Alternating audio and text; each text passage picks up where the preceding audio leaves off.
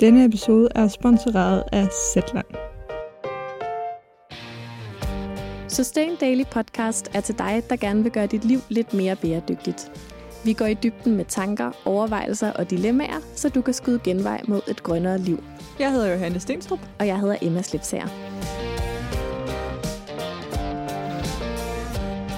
Hej Emma.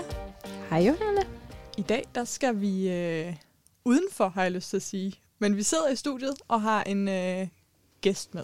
Ja, på en måde skal vi udenfor på mange måder, ikke? Vi skal udenfor i naturen, Mm-hmm. og vi skal også lidt udenfor øh, sådan øh, de emner, vi normalt har snakket om her i podcasten. Ja, Fordi det- vi plejer faktisk ikke rigtig at snakke så meget om naturen. Nej, en klimapodcast, der ikke snakker om naturen. det kunne man måske godt tænke lidt over. Ja, det er byrotterne, der har fået lov at diktere. Men så er det godt, at vi har øh, naturekspert, elsker og øh, historiefortæller, kondisør Martin Keller med i dag. Velkommen til. Tak for det. For dem, der måske ikke lige kan kende din stemme allerede, vil du så ikke introducere, hvem du er? Jo, jeg tror, man kender min stemme fra uh, Naturpatruljen, fra DR, de, de gamle børne-tv-programmer, hvor vi havde Gæt en lort og sang Hey Dr. Buskebusk.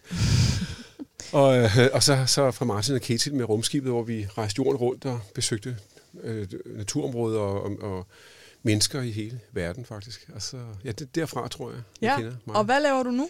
Nu arbejder jeg for FN's 17 verdensmål i Københavns Kommune i afdelingen for bæredygtig udvikling, hvor jeg underviser skoleelever i hele København, og så laver jeg events for børn og voksne. Fantastisk. Ja, Og du har i hvert fald øh, været på skærmen i min barndom. ja det skal Øh, og både mig og min bror var store fans af Naturpatruljen. Ja, det var jeg også. Ah, Herligt. Det kan man jo bare ikke komme ud over. Der er nogle ting, der former en. Ja, Øh, men alligevel blev vi så nogle byrotter på. Nå ja. Men er altså, nu har vi jo inviteret Martin med i Ja. studiet, så noget må jo øh, jeg er også, være jeg, blevet på den siden. plan er jeg også en, en byrotte, Ja. ja. men øh, bare den er økologisk, så går det nok. Præcis. Men altså, altså Ja. jeg er jo selv by, bymenneske, men, øh, men, men øh, kan ikke undvære naturen. Vel? Nej. Men Martin, du sidder sådan øh, og piller lidt ved noget snor. Ja, jeg håber sådan, I vil Ja. lægge mærke til den. Ja, altså du har jo ikke taget en lort med. Det er vi så lidt skuffet over. det fik jeg ikke lov til. Det glemte vi at skrive Ja. i briefet. Det var, det var der Men- ikke plads til. hvad, hvad sker der med den der snor? Og den her snor, den er, den er, lad os sige, den er 1 meter, ikke?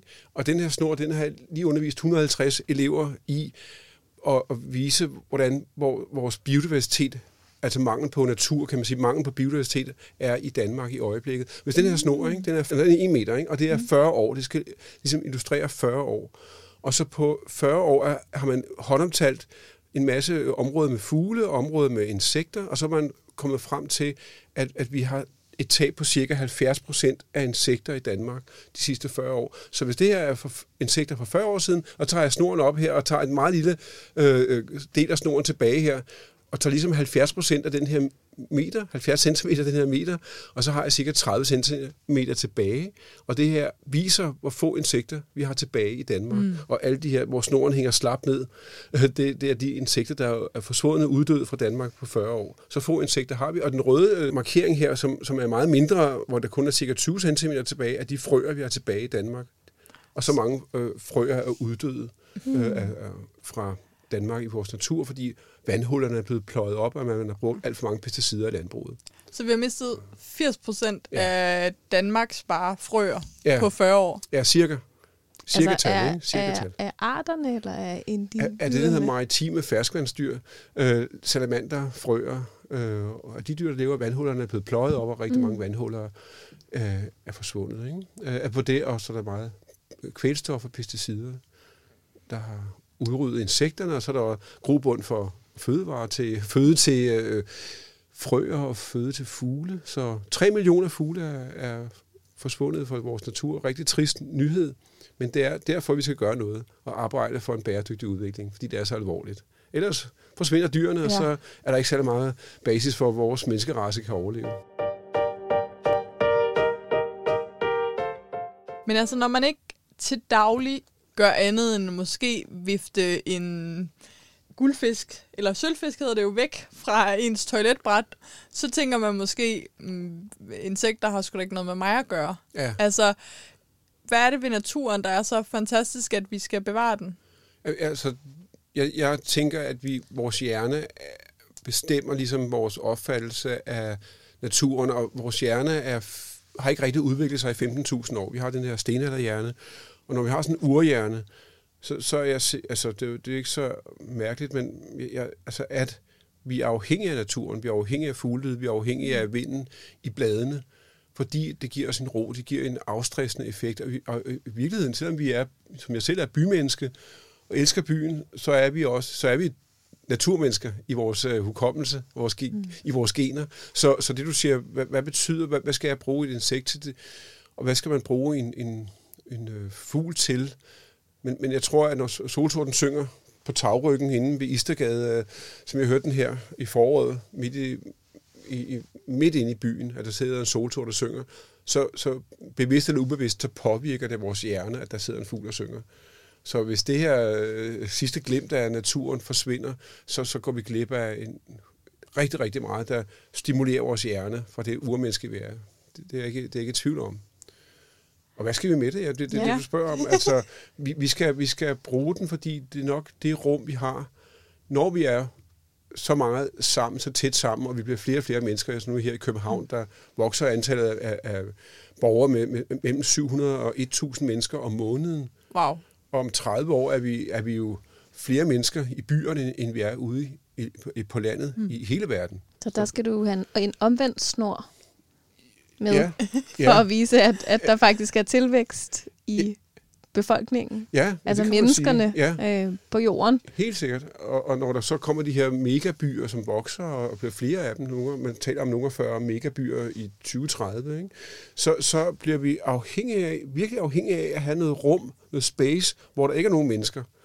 Og naturen kan jo det, at vi går ud i et rum, hvor der ikke er nogen mennesker omkring os, men alligevel sker noget. Så vi, hjernen bliver alligevel stimuleret af det kaotiske natur, sanserne, lydende, duftende af natur, lugter en rev, øh, øh, lugter en svamp eller muljord eller noget, ikke? Som, som, er, som, som skovbunden kan lugte af, fordi vi er urmennesker.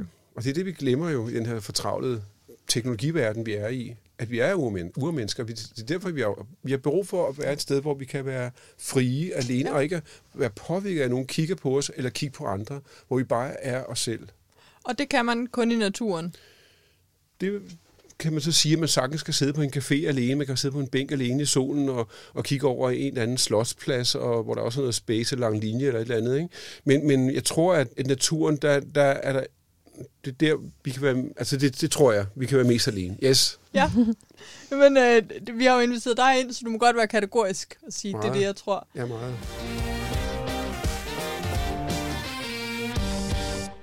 Og du har jo tydeligvis en kæmpe stor begejstring for ja. naturen. Og det er måske lidt en kliché, men jeg har hørt medierne sige det ret mange gange. Men vi er jo mange, der har fået øjnene op for naturen i løbet af lockdown. Ja. Så hvordan, når nu samfundet åbner op, og alt bliver normalt igen, det har vi jo ikke lyst til, det bliver, men altså, hvordan kan vi så fodre den her naturbegejstring, som vi måske har begyndt at få? Ja, det, det, det kan vi gøre ved, tror jeg, noget så også igen, det, det kommer til, det, meget af det her bliver så banalt på den plade, når man snakker om natur. Det, det, det bliver så spejderlogisk, kan man sige. Ikke? Men, det, men jeg tror, man kan, vi kan lære... Jeg har talt med mange om det her ikke? øh, i de her coronatider. Ikke? På, og der er mange, der siger, at, at de finder ud af, at deres øh, fodtøj ikke egnede sig til at gå i, i en våde skovbund, eller hvor der var vandpytter, og de finder ud af, at den rygsæk, de, de har på, til arbejdet, den passer, den er for dårlig, når man skal gå flere kilometer. Ikke? Altså, at man simpelthen får noget, noget lidt bedre udstyr, øh, lidt bedre fodtøj, lidt bedre rygsæk osv., en bedre termokande, der ikke er utæt, eller der faktisk kan holde kaffen varm. Ikke? Altså, sådan nogle helt, helt grundlæggende altså, ting, som konkrete øh, redskaber eller, eller udstyr, som, som, som vi har med i naturen, sådan, sådan at skovturen, naturturen bliver bedre, vi kan være længere tid i den, uden at fryse, uden at få våde fødder. Det, det er noget af det helt basalt. Ikke? Det, det, det er noget af det, vi kan lære, tror jeg, af at bruge skov mere. Vi også har lyst til at være i, mere i den, fordi vi bruger den mere. Ja. Og så selvfølgelig, jeg ved, jeg ved en del om, om dyr og planter. Jeg kan stå bare, bare et par meter inde i en skov, og så kan jeg ligesom have kontakt med en masse dyr, fordi jeg kan høre, hvad for nogle dyr, der fugle, der flyver, og jeg kan, jeg kan fornemme, hvad for en puslen der er, hvad for, måske også, hvad for dyr, der pusler, kan jeg næsten tænke mig frem til. Ikke? Altså, så jeg, jeg kommunikerer jo enormt meget, men når jeg er i skoven, men det vi kan gøre, tror jeg, som, som voksne, det er jo selvfølgelig at inspirere vores børn til at være begejstrede for naturen, og når de finder noget, så sige, wow, spændende. I stedet for at sige, smid den, der kan være corona på, eller et eller andet. Ikke? Altså, så, så, så, så sige, ej, hvor det godt, det er spændende, øh, lad os se, hvad det er. Øh, og være, være medbegejstret, så være ligeglade, om børnene bliver beskidte eller alt Ja. muligt.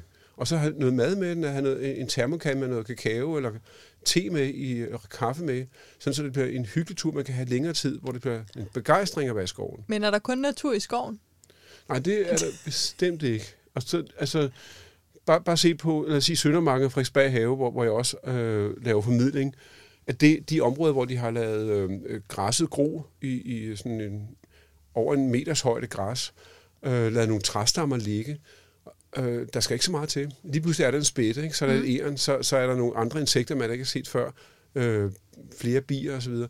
så så bare de her små områder, hvor man arbejder på biodiversitet i parkerne i København, har enorm effekt. Altså, når man sidder på sådan en træstamme, men, men, hvor man har lavet den ligge, så, så er man meget hurtigt tilbage i naturen. Mm. Så skal der ikke så meget til.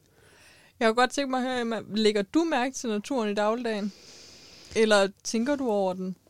Ikke ret meget. Nej. Ikke ret meget i min Nørrebro dagligdag. Det gør jeg ikke. Men savner øhm, du den? Øhm, Nej, det gør jeg ikke, når jeg ikke er i kontakt med den. Men når jeg så en gang imellem befinder mig i den. Altså nu er jeg i weekenden, øh, har jeg været øh, ude og, og besøge noget familie, som bor i en villa med have, hvor de dyrker agurker, og der er det der æren, der bor i nede i det ene hjørne og løber hen over æbletræet og vipse i æblerne. Og, altså, dufte er netop, som du siger, sådan indtryk på en helt anden måde, end man får, når man er ude i trafikken, øh, og man egentlig bare helst vil høre sin egen podcast og komme videre. Ja. Øhm, så kan jeg godt savne det. Ja, ja. Altså, så bliver jeg mindet om, hvor rart det er. Ja. Øhm, eller da vi to var ude og plukke blomster den morgen der, hvor man går rundt, og der er duk, og man bliver ja. lidt fugtig på buksebenene, og altså sådan alt ja. det her, de her ja, indtryk, som man, som man jo lynhurtigt Ja. får, lige så snart man bevæger sig væk fra fortorvet nærmest, ikke? Øhm, så, så kan jeg godt komme til at savne det, men jeg tror, at, at det sådan er en, for mig noget, jeg glemmer lidt, Ja. når jeg ikke er udsat for det i gåseøjne. Det er jeg så enig i. Og jeg synes faktisk, det er det mest skræmmende, det her med, at, at som du siger, Martin, at vi har så meget brug for det, fordi vi er urmennesker, men at vi kan godt glemme det og undertrykke det. Ja. Men at det er som om, at der er nogle sanser, vi måske ikke bruger. Altså, vi er ikke hele mennesker, når vi ikke er i kontakt med naturen, fordi at der er kun en vis del af vores sanseapparat, vi bruger inde i byen. Men når vi så kommer ud i noget natur, det kan jo bare være et eller andet forladt grund på øh, Nørrebro, eller sådan, så er der lige pludselig øh, noget lugtesans, man, hov, der er også noget, der lugtede godt, og ikke bare trafikos, og øh, jeg tænker, at vi kan være meget frarøvet en del af vores måske menneskelige natur, hvis vi ikke går ud i naturen. Jeg gider, om den bare fader ud, når vi ikke bruger den. Ikke? Det er den der trang til naturen. Det kan godt være, at vi... Ja, fordi vi ikke bruger den, så, så fader den ud, så, så har vi ikke det der træ, lyst til at komme derud. Det, det, altså, man ikke savner den, som du siger. Mm. Ikke? Det kan godt være, at det bliver hurtigere sådan. Vi hurtigere kommer Det tror væk jeg da, det gør, ligesom Det kan man kan være. dyrke alle mulige andre mm-hmm. ting og interesser. Og, altså jo mere man, sådan synes jeg i hvert fald tit, det er, jo mere man beskæftiger sig med noget, jo mere spændende bliver det også, ikke? Altså, Ja. og jo mere man holder øje med et eller andet. Altså, jeg kan huske, dengang jeg gik på højskole, det var i Odsherred meget smuk, øh, smukke landskaber og masser af opdyrkede marker. At den der fornemmelse af at være i det der landskab, at vi lagde mærke, eller jeg lagde mærke til årstiderne på en helt anden måde, end jeg gjorde inde i byen. Mm. Det er også noget, vi nogle gange har snakket ja. Ja. om, Johanne. Det der med, at, at årstiderne bliver sådan noget, det bliver sådan lidt noget med, om man har regnjakke på eller ej, eller sådan, når man bor i byen, ikke? Jo, Ja. Og lige så snart der er Eller nogle... tage metroen, eller ikke tage metroen. Ja, lige eller præcis. Cykle, ikke cykle. Altså, det bliver sådan nogle ting, ikke? Lige præcis. Ja. jo, sidder du på fortorvet og spiser, drikker din kaffe, eller sidder du indenfor og drikker din kaffe? Iskaffe, Ja. iskaffe eller varm kaffe. Ja, Ja.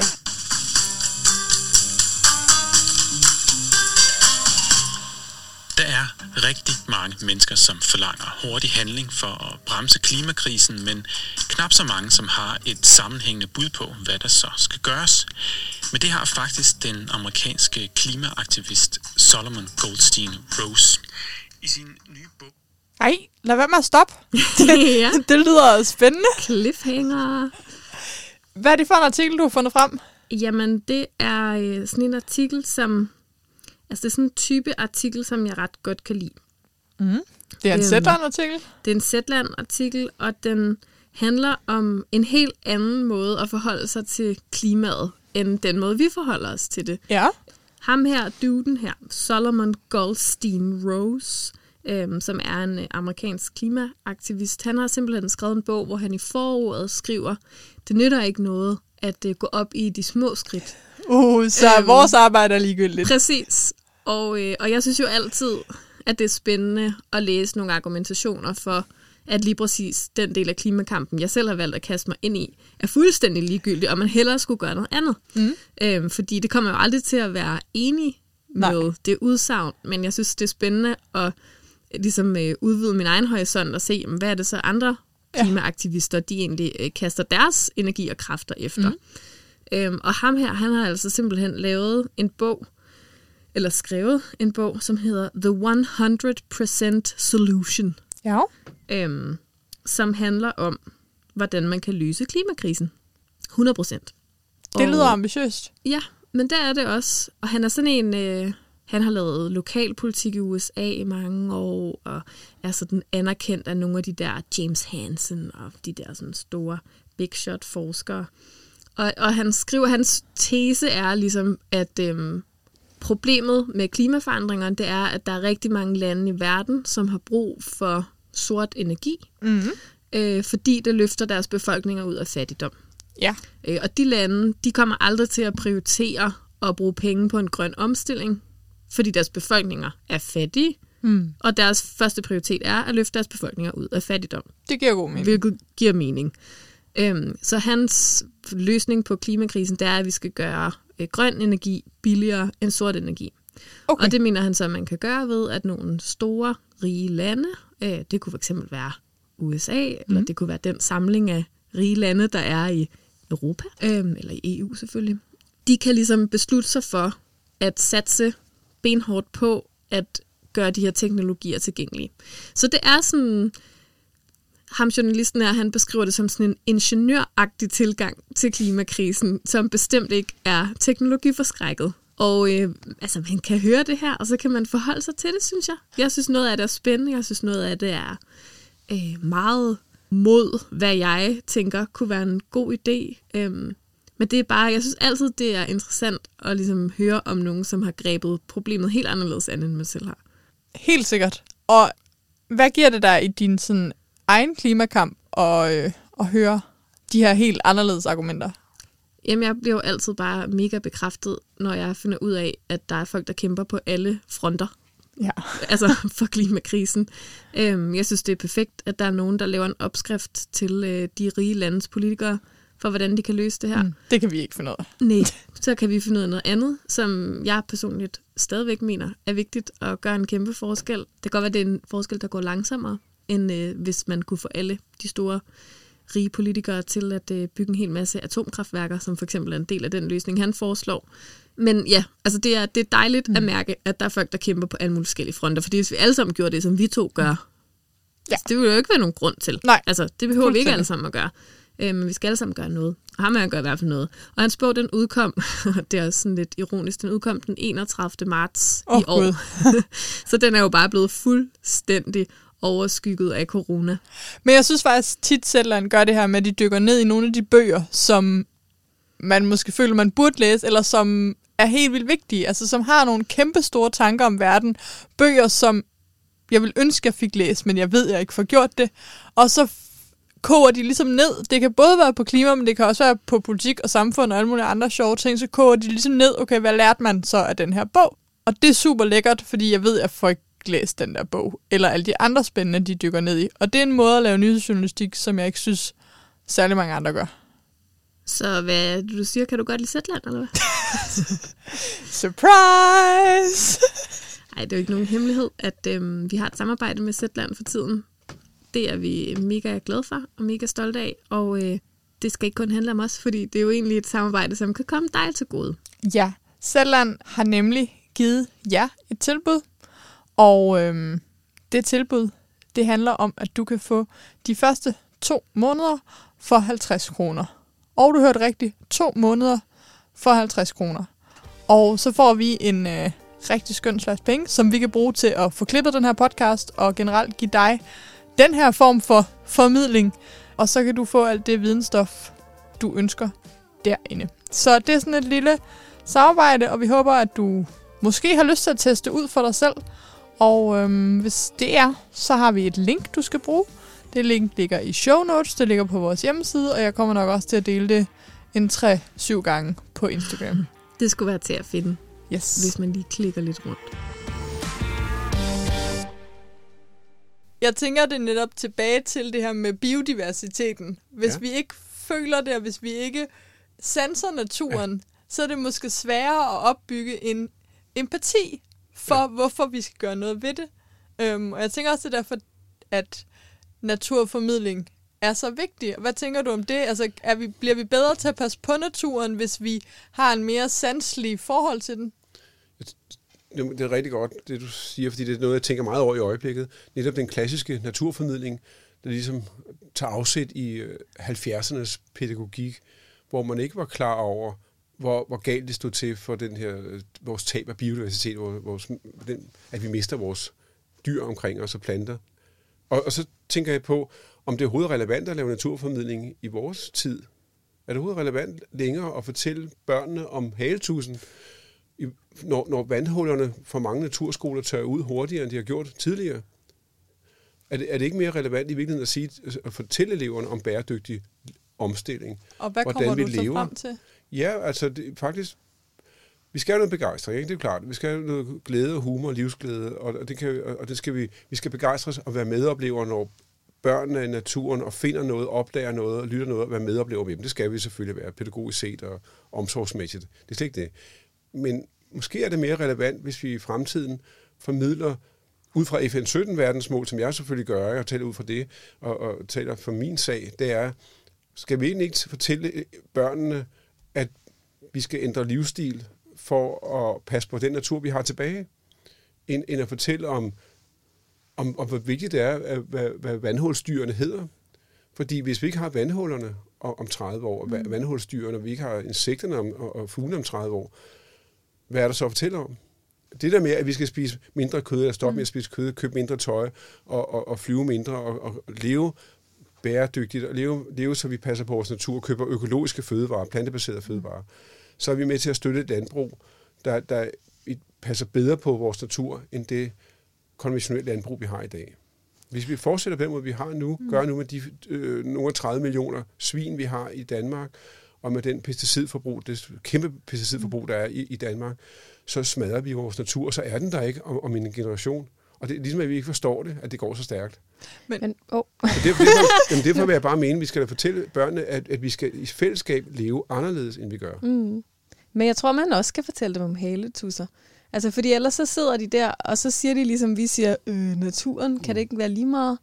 Altså, bare jeg kan komme fra A til B og ja. få lov at spille fodbold ja. ned på noget kunstgræs med mine venner, Jo. så er det da ligegyldigt, hvor mange frøer der er. Eller, Ja. ja. Altså, Sådan, sådan må det være. Det, jeg, kan, at, at, at altså, der jeg også dig er, ret i jeg det, tror, den siger, anden ikke? del er, er lige så Ja. vigtig, at man, at Helt man ved, gud, et træ, det er faktisk sådan lidt noget spændende noget, og Ja. man kan faktisk kigge på det og se, øh, om det er i gang med at lave frugter, eller om det er i Ja. gang med at smide bladene, eller, altså, og så tager det Ja. saften ind, og altså alle Jo. de der... Jeg har, lyst til øhm, at, jeg har lyst til at provokere lidt, når jeg siger det. Ja. Ikke? Og, og bare for at vi- vinde øh, ligesom mindsetet lidt. Ikke? Men jeg kan sagtens sige, at selvfølgelig skal vi gøre det. Jeg forstår godt, hvad du siger med, at hvis vi bare lærer, at et træ er fantastisk, men glemmer at få det her med, at træet er truet, og det samme med frøerne. Hvis vi kun lærer at begejstres, vi bliver nødt til på en eller anden måde at have den anden med. Altså, de bliver vel nødt til at gå hånd i hånd. Vi kan Ja. ikke bare få at vide, frøer er truet. Okay, nederen. Men hvis vi både får at vide, eller lærer og opdager og sanser, at frøer er fantastiske, og kobler det med det, du siger, de er på vej væk. Jamen, så er det vel der, der sker ja. noget... Ja, og at du hænger sammen med frøen, ikke? og Jo. du hænger sammen Ja. med, hvor mange insekter har jeg. Og, Ja. og det, man gør i vores familier, det påvirker faktisk hele biodiversiteten, hele økosystemet. Øh, Ja. altså hele den der med at, at zoome ud og forstå, at jamen, når du køber noget, der er produceret på en mark, der er sprøjtet med pesticider, så er der faktisk helt dødt der. Ja. Altså, der er ikke nogen, der summer. Noget så basalt som vores muljord, ikke? Altså, som er så afhængig af, af netop den cyklus, der er med insekterne og ormene, svampe, bakterier hvis det ikke er det, hvis det ikke foregår naturligt, så, så, så, så dør det, ikke? så bliver det rigidt, øh, og så skal man bruge endnu flere gødninger, endnu mere, endnu mere gødning, endnu flere pesticider for at kunne dyrke. Men, men jeg vil bare sige det med, med frøen, selvfølgelig skal vi lære, at frøen er fantastisk. Øh, vi skal ikke, måske ikke bare sige, at den er truet, for det, det forstår børnene heller ikke. Jeg tror, vi, vi, skal, vi skal bare fortælle børnene, at vi sammen, børn og voksne, ændrer vores livsstil, og vi kan holde juleaften uden flæskesteg. Og man kan også hygge sig uden flæskesteg. At man, kan også, man kan også have en højtid uden af de her konventionelle kødtraditioner, vi har i Danmark. Vi kan gøre noget andet. Vi kan, vi kan leve anderledes. Vi kan spise, forbruge, have tøj på anderledes. Vi kan mm. gøre en masse andre ting, men i fællesskab. Og så kan vi også passe på vores insekter og vores mm. frøer. Ikke? Og jeg tror ikke kun, det er børn. Altså, det tror jeg heller ikke. Vi er rigtig Som mange. repræsentant ja. for en eller anden form for øh, ung voksen generation, så vi har også brug for at kunne vide vi det. også godt bruge okay. lidt naturbegejstring.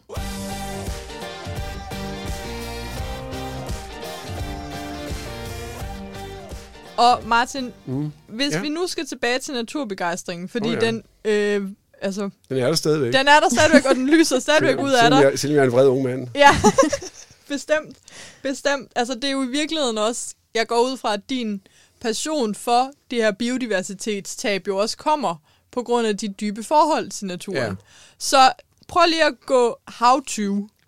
Man står midt på Nørrebro, man hører den her podcast, man tænker, Gud, Naturen. jeg har ikke haft natur i mit liv den sidste måned. Hvad gør man? Så går man op på cykel, ikke? Sådan en cykel, og så, så cykler man ud i dyrehaven og sætter sig på en træstamme, og så ser man en kronhjort, der siger, ej, var det vildt, ikke?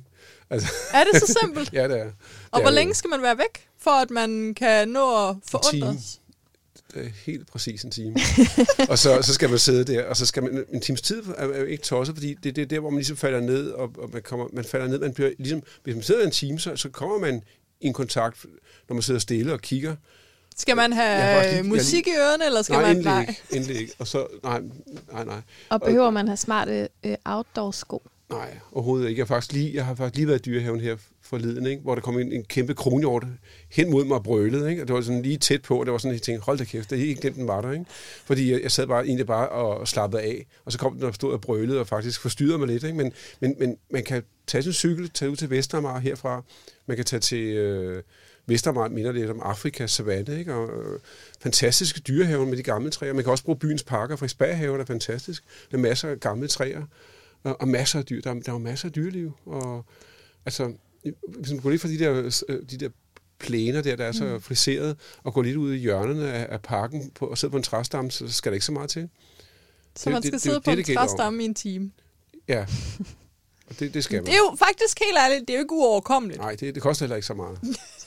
det er også gratis. Ja. Jeg tænker også altid på havet, når jeg tænker ja. på det der med at få... Okay. Altså, det, det er fordi, det er sådan et sted, hvor jeg kan komme i tanke om det der med, hvor rart, hvor rart det er at være i naturen. Det der, jeg kommer hen til havet. Ja. Fordi det har den der helt særlige, dejlige lyd af bølger, der skvulper op på stranden, og man kan få lov til at kigge rigtig ja, langt også. Ja. Som også er sådan en ting, jeg glemmer som bybo, ja. at man overhovedet kan. Altså det der med, at man bare kan få lov at stå og kigge ud over ja. noget, der faktisk ikke stopper, før ens øje som ligesom ikke kan nå længere. Ja. Eller... Og det er også det, vi ikke har i byen med, med bygninger. Så vi bliver stoppet konstant i vores, vores flow, ikke? i vores blik.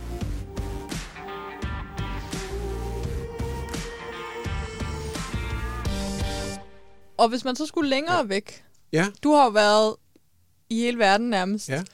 Kan du prøve at fortælle os en af dine sådan, yndlingsnaturoplevelser, hvor du blev sindssygt begejstret? Ja, det, det var sjovt, ikke, at når, når, når jeg har lavet det her Get in Lort, øh, som blev lavet meget højtidligt, fordi det handler jo om, at man skal se, hvad for en dyr, der har været i det skovområde, hvor man går i. Også når man går med børnene, der, og vi snakker højt, og man man går og griner og snakker, og så, så, så mange dyrene væk. Men det der, man, man kan ligesom finde en grævling og så, og så snakke om, der er faktisk gået en grævling her om natten. Ikke? Det er jo mm. magisk. Øh, men men, men øh, jeg, jeg gik i Ugandas, øh, en lille skovsti i Uganda, inde i junglen, og så, så finder jeg en, en, en kæmpe lort øh, med, med, med en masse store frugtsten i.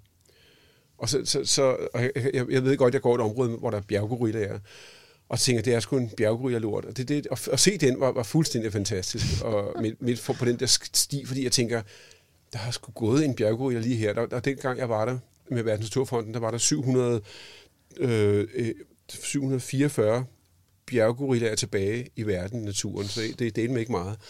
Nu er der 1003 eller det omkring. Ikke? Men, men så gik jeg, og så kom der en, en, en ud af ingenting, så står der lige pludselig en kæmpe hundgorilla foran mig. Og det, jeg tænker på, ja, fordi det lignede lidt dyrehaven der, hvor jeg gik. Der var sådan et græs, jeg gik sådan noget lavt græs, og så var der selvfølgelig store øh, jungletræer på siden, men der, hvor jeg gik, var sådan en, lille, en sti, der godt kunne være dyrehaven. Så derfor min hjerne begyndte at, at, at hukommelsesmæssigt med at, at vende mig til, at jeg faktisk var et meget trygt område, som jeg kender fra dyrehaven, eller fra, fra Vestermar. Og når der så står lige pludselig står en gorilla foran en, så, så er det først, først der, jeg, jeg virkelig forstår, at jeg er et andet sted. Det er meget skægt, hvad, også hvad dyr kan gøre. De, ja. de, up, så er man tilbage et andet sted. Og så, så gorillamoren, hun har sådan en, en unge på ryggen, og hun står på alle fire, og går hen på, mod mig og vender siden til mig. Og så drejer hun sig sådan, så at gorillaungen kan se mig ind i øjnene. Fordi wow. moren ser op på gorillaungen og ved, at ungen bliver stimuleret og nysgerrig for at se mig. Og så står vi simpelthen og har kontakt med hinanden, unge og mig. Er hun bange? Overhovedet ikke. Helt afslappet. Og, og, og det der med, at hun kunne bare gå videre, men hun får, har så meget empati, medfølelse for unge, mm. så hun bliver stående øh, sidde, altså på alle fire der, som hun, graver, hun går som gorilla og gør. Ikke? Og så øhm, den der kontakt, hun lige giver mig lige, lad os sige, syv sekunder med en kontakt, og så går hun bare stille ind igen. Det var en af de største oplevelser, jeg har, fordi det, det, det beskriver virkelig et enormt begavet dyr, som vi stort set er ved at udrydde nu, ikke? Mm og som er så fa- dybt fascinerende, øh, menneskelignende, i deres sociale familiestrukturer, som de har, at, at, vi, at der sad mellem den der gorillafamilie lidt senere, og, og, og blev accepteret af gorillafamilien, og ungerne kom hen til mig og slog koldbøtter foran mig og sådan noget, og, og så videre. Den der, der var jeg tilbage i urtiden. Øh, jeg var et stenaldermenneske, der sad med min stenalderfamilie, ikke? og det, det var enormt bevægende. Og der, der, når man er sådan en oplevelse, så tænker man virkelig, at den, den natur skal dele passe på, fordi den forsvinder som duk for solen. Mm.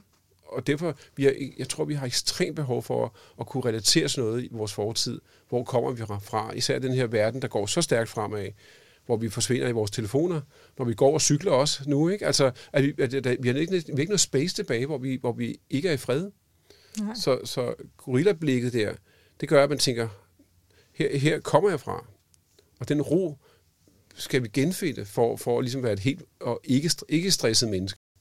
Har du så gorillaen med dig i baghovedet, når du handler i brusen? Ja, og, øh... ja det har jeg. Og ja. orangutangen har jeg også lavet meget med. Ikke? Og jeg har alle de her dyr, elefanterne og alle de ting, man har set, også af, af, af krybskytteri og så videre. Ikke? Jeg har, mm. Det har jeg også i tankerne. Jeg har fairtrade i tankerne, hvor jeg, jeg ved, at man passer på nogle fattige familier, der ved at vi giver det ekstra for vores varer, kan bygge en skole ikke? eller et hospital. Altså, det har jeg, når, når man går med en banan, så går jeg med en, en økologisk fairtrade banan som, at det er det, det dyrebareste, jeg går med, fordi jeg ved, at det, det er 5 millioner mennesker cirka, det, det, der, der får en, ja. en rimelig eksistens.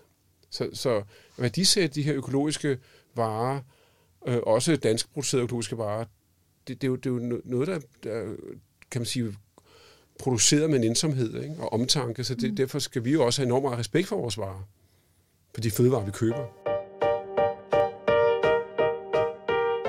Det giver jo super god mening. Kan man, tror du, det kan give det samme, hvis man bare bliver brølt af en kronhjort? Ja. Og så kan man også, det altså det, kan man også relatere det til sit altså, øh, daglige indkøb?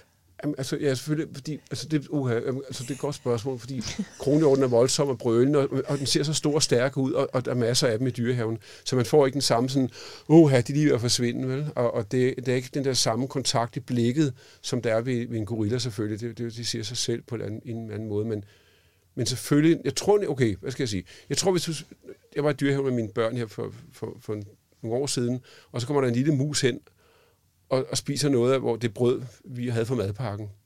Og den, den oplevelse med den lille mus, der kigger sådan forskræmt rundt, og, og, og den der omsorg, min, mine børn havde for den der mus, den, den, den virker. Der, der er noget af det her gorilla omsorg, og det her, det her skal vi passe på. Ja. Øh, kronhjorten skal, skal nok passe på sig selv, ikke? Mm. Men, tænker vi, men, men musen, det jo lige præcis der. Der, der var også noget, ja. hvor, ups, det er et lille dyr, der lige kommer og tager en krumme på vores madpakke og stikker af igen, ikke? Mm. Så vi har brug for oplevelser med dyr, som har brug for, at vi passer på dem. Ja. Så at det trigger noget ja. omsorgs i os. Ja, ligesom med, med, med, med børn. Ikke? Børn, der er udsat, børn, enten i Danmark, eller børn, der, der, der lider i flygtningelejre mm. osv., eller øh, dyr, der er troet. Det er noget af det samme omsorgsgen, der, hvor vi siger, at vi må gøre noget. Vi må, vi må mm. hjælpe de svage, der ikke har nogen stemme. Der er også nogle gange noget, synes jeg, med, at, at øh, det kan jeg i hvert fald mærke hos mig selv. Jeg kan godt nogle gange glemme lidt det der med, at altså, at en gorilla også skal have lov at være her. Altså nu lyder det igen sådan super banalt. Men ja. det med, at, at alle de andre arter, der findes, de har jo lige så meget ret ja. til at være her, som vi har. Ja. Og, og det synes jeg bare er sådan en ting, jeg kan glemme. Og så når man ser nogle af de andre arter, der er, og hvordan de tuller rundt, og hvad de laver til hverdag, ikke? så bliver man jo mindet om, nå ja, altså det er jo faktisk deres tilværelse, der foregår her, ja. øh, og som vi kan komme til at spænde ben for. Så sådan en oplevelse kan jeg godt have, altså en gud fugle. Ja. Altså de er jo nogle gange bare for det meste hjemme hos mig er de irriterende, fordi de sidder på kanten af altanen og skider ind Ej, det på vores altan. Ikke? ja. Det er irriterende. Ja. Men når man så får lov en gang med at se en fugl, der laver noget sjovt, ikke? altså ja, der bygger ja. rede, eller fodrer unger, eller altså sådan, ja. så bliver det lige pludselig på en eller anden måde lidt mere oplagt, mm. at selvfølgelig skal der også være fugle. Ja ja. Og, og, hvis jeg må komme lige med en sjov kommentar til en, til en naturoplevelse i København, ikke? Hvor, hvor de her ekstremt kloge øh, husskader, der er en kravfugl, der, der er lige så klog som papegøjer. Øh, næsten som menneskaber. Ikke? Altså det, det, de kan noget, som menneskaber ikke kan, nogen, nogen kravfugle. Ikke? Det er desværre at komme ind på lige nu, men der ligger en, en kat over hjemme i baggården, ikke? og så kommer skaderne hen i en lang række og bider i kattens halespids. Og, og katten vågner hver gang og giver sådan en spjæt, og så stikker skade, husskaden af, ikke? den der sortbide husskade. Ikke? Og så er der en anden skade, der tager fat og bider i, i kattens halespids. Og så de sætter den på række. Og hver gang en har, har nappet katten i halespidsen, så går den anden fugl bagerst i rækken. De er så kloge. Altså, det er, det er jo små aber, vi har her, ikke? Og den der kat er jo bare dum, ikke? I forhold til, til husskaden. Den, den er ikke dum nok til at flytte hjerne, og, og, og, som en hund, ikke? Er ikke noget særligt, vel? Men, men kravfuglene er jo vanvittigt begavet. Og så ender jo med bare, at katten skrider, ikke? og den, den siger, nu, nu, nu kan der være nok. Ikke? Og så, så har skaderne hele haven for sig selv, ikke? Altså baggården, fordi nu er katten væk. Men, men, men det er interessant, ikke? og det er det, du siger, når dyr gør noget sjovt, eller gør et andet, mm. som de ikke bare skider på altanen, og gør det der. Og jo mere man, tror jeg, man får opmærksomhed på, hvordan dyr kommunikerer med hinanden, også med os, så er det enormt sjovt. Der er en dame herovre ved lange linje, hun, hun går med sin hund, så er der nogle kraver, der følger efter, og det er fordi, de finder ud af, at de samarbejder med hunden. De går sammen med, krav, med hunden og kravene. Ikke? Og så fordi hun kaster godbider hen til hunden, og hunden overlader nogle af godbiderne til kraven, fordi den er gode venner med kravene. Og så går de ligesom en del af de godbider, damen smider. Ikke? Altså, så er der, her er der en kontakt. Ikke? Mm, ja. Jeg synes, det er vildt sjovt. Altså. Og det er jo det er så fantastisk at, at lytte på. Altså, det er jo den her... Øhm, både vi selvfølgelig på grund af dig og, og den måde, du formidler, ført tilbage til barndom, men også øhm, kan, kan levende se det for mig, og, og det får mig til at tænke på, at jeg bliver nødt til at åbne øjnene noget mere for, ja. hvad der er lige ude foran. Øhm, for jeg tror virkelig, der ligger en stor del af nøglen til at være en bedre klima- og biodiversitetsaktivist i at se det. Og netop som du siger, Emma, se at vi deler jorden med dem her, og at vi har lige ret til den plads. Ja. Parallelt med, med, med, med, så med mennesker i byen, så noget en parallel til, hvis vi flere og flere mennesker, vi også kan ligesom tænke det her mindset, at vi har alle mennesker har jo lige ret mm. til den by, hvor vi nogle gange føler, at der er rigtig meget leben og trafik, men alle har jo, bare de ikke forurener for meget og spiser mindre kød, så har alle jo lige ret til at, at være her. Ikke? Og det har dyrene jo også, selvom det også er dyr, som vi ikke det er jo, mange siger, det er meget fedt, at der ikke er så mange myg længere, så får vi ikke så mange myggestik. Ikke? Men altså, så er der ikke så mange flagermus, så er der ikke så mange frøer, så er der ikke så mange øh, mm. sangfugle. Ja, det hele hænger jo sammen, og det er ja. det, vi rigtig, rigtig meget glemmer.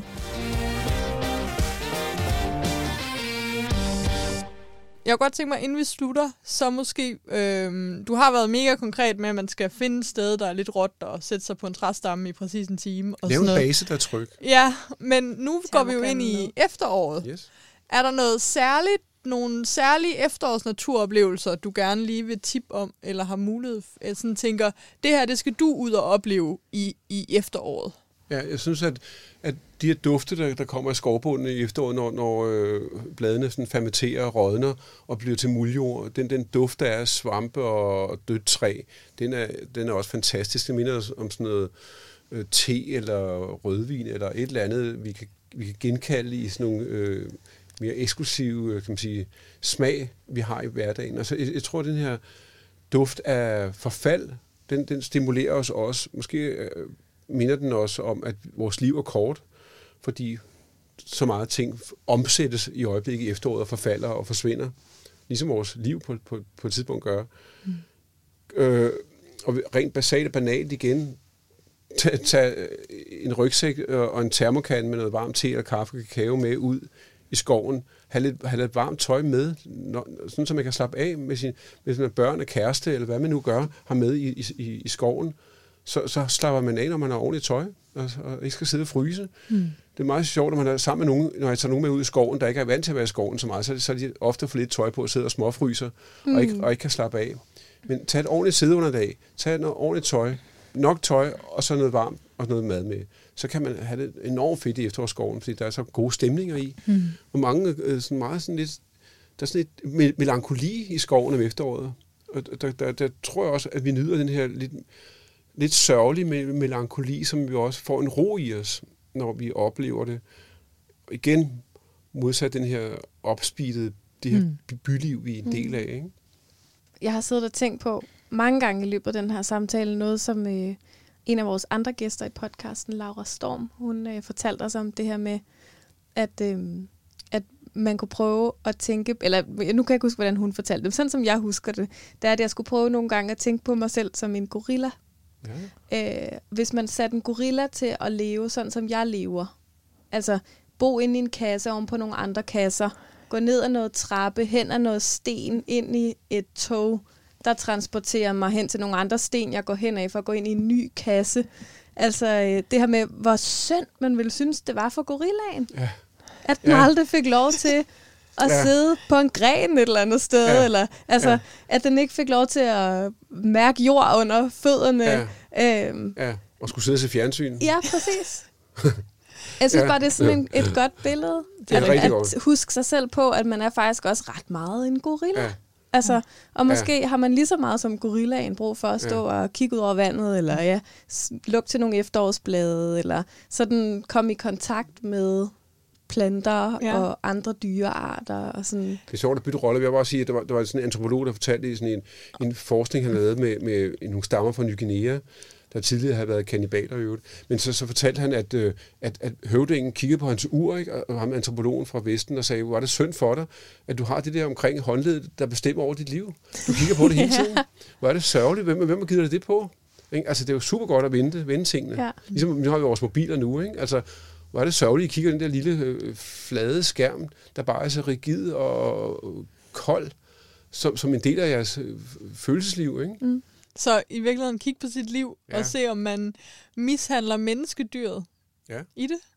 Ja, men der var nogle små ting, man måske mm. kunne gøre. Ja. ja.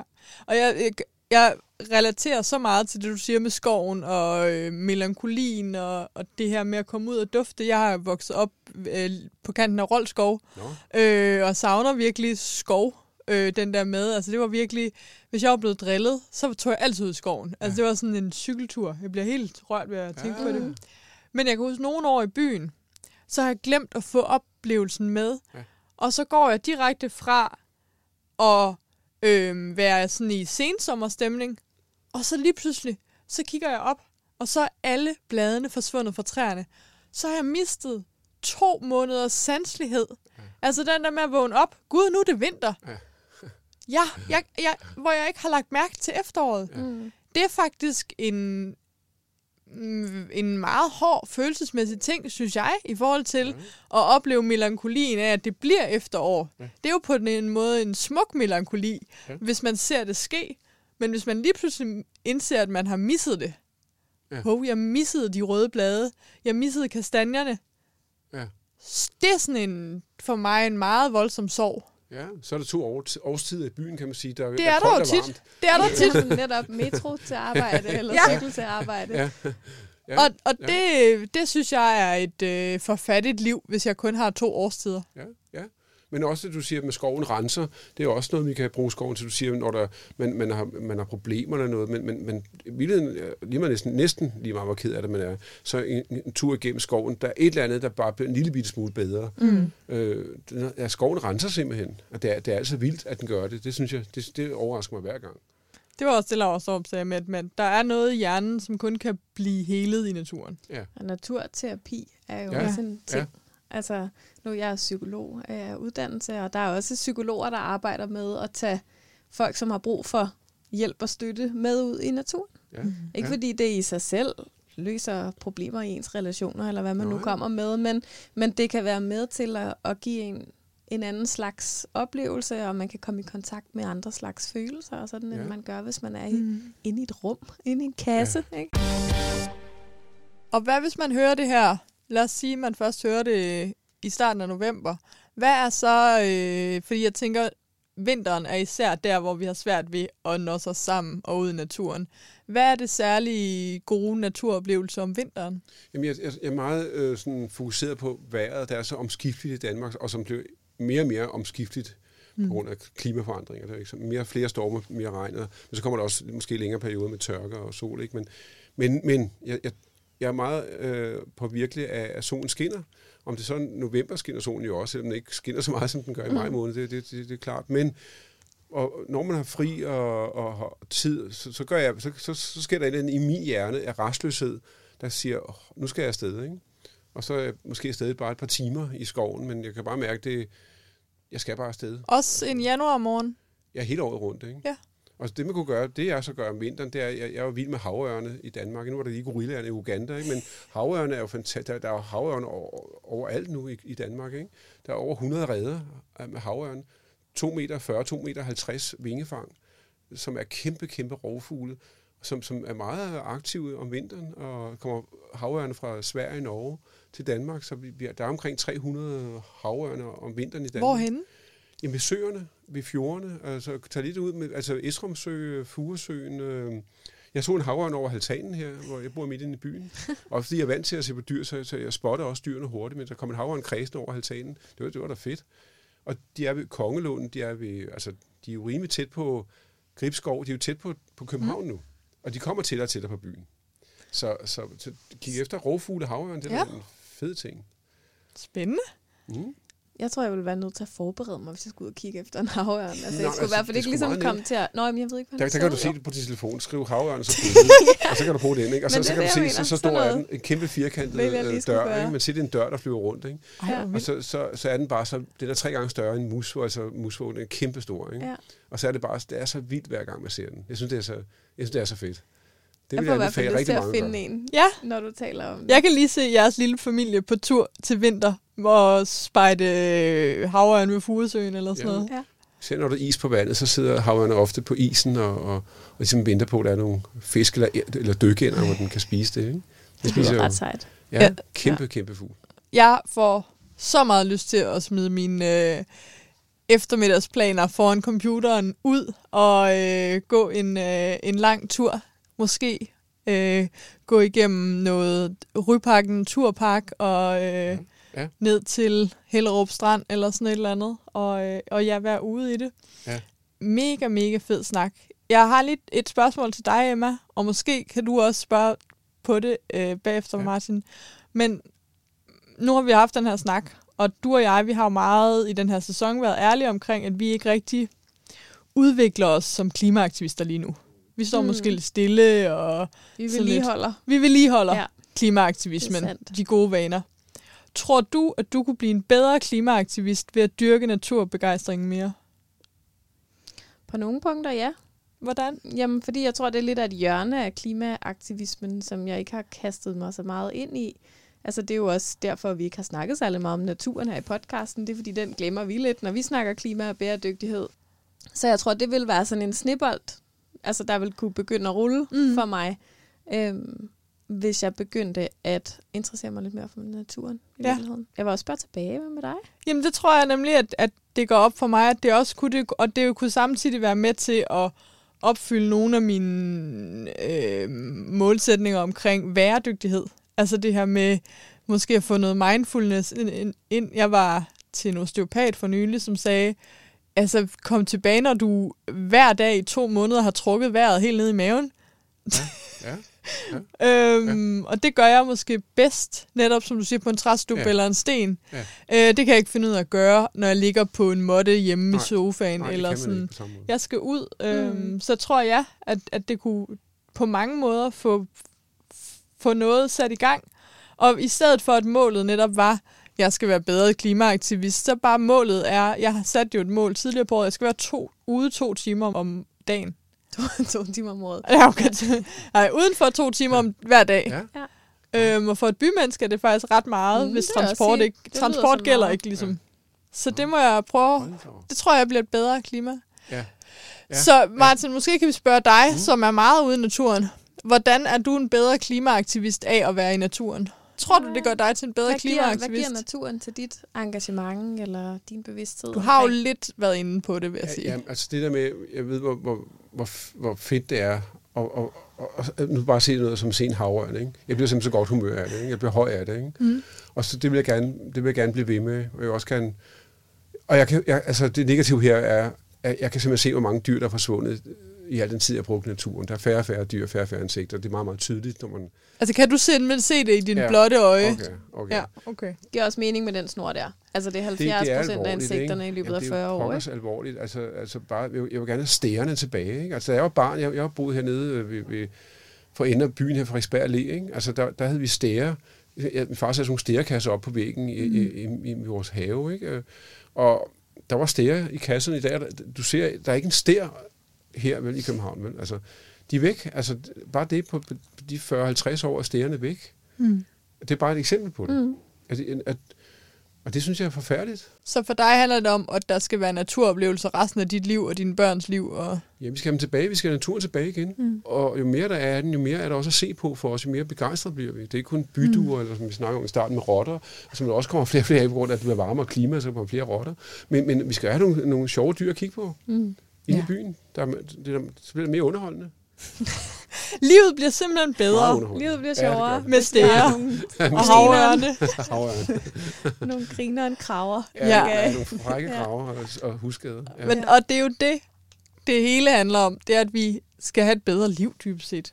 Er det ikke et godt sted at slutte? jo, Det er et rigtig godt sted at slutte. Tusind, tusind tak, Martin, fordi tak. at du ville øh, gøre os begejstrede. ja, selv tak. Har det virket af mig? Ja, det har det helt klart. Det har det, har også helt herovre. klart. Jeg er allerede i gang med at lægge planer. Det håber jeg også, øh, du er derude. Husk, det tager bare en time på en træstup. Vi lyttes ved. Vi lyttes ved i næste uge. Hej hej. Tak fordi du lyttede til Sustain Daily Podcast. Det betyder vildt meget for podcasten, om vi får nogle anmeldelser. Så når vi nemlig længere ud og kan få spredt det grønne budskab endnu bedre. Så hvis du har to minutter, du ikke ved, hvad du skal bruge til, så hop meget gerne ind i din podcast-app og anmeld Sustain Daily Podcast. Og hvis du vil høre endnu mere fra Sustain Daily, så kan du følge os på f.eks. Instagram eller Facebook, eller skriv dig op til vores nyhedsmails, hvor du bliver den første til at høre, når vi laver seje ting.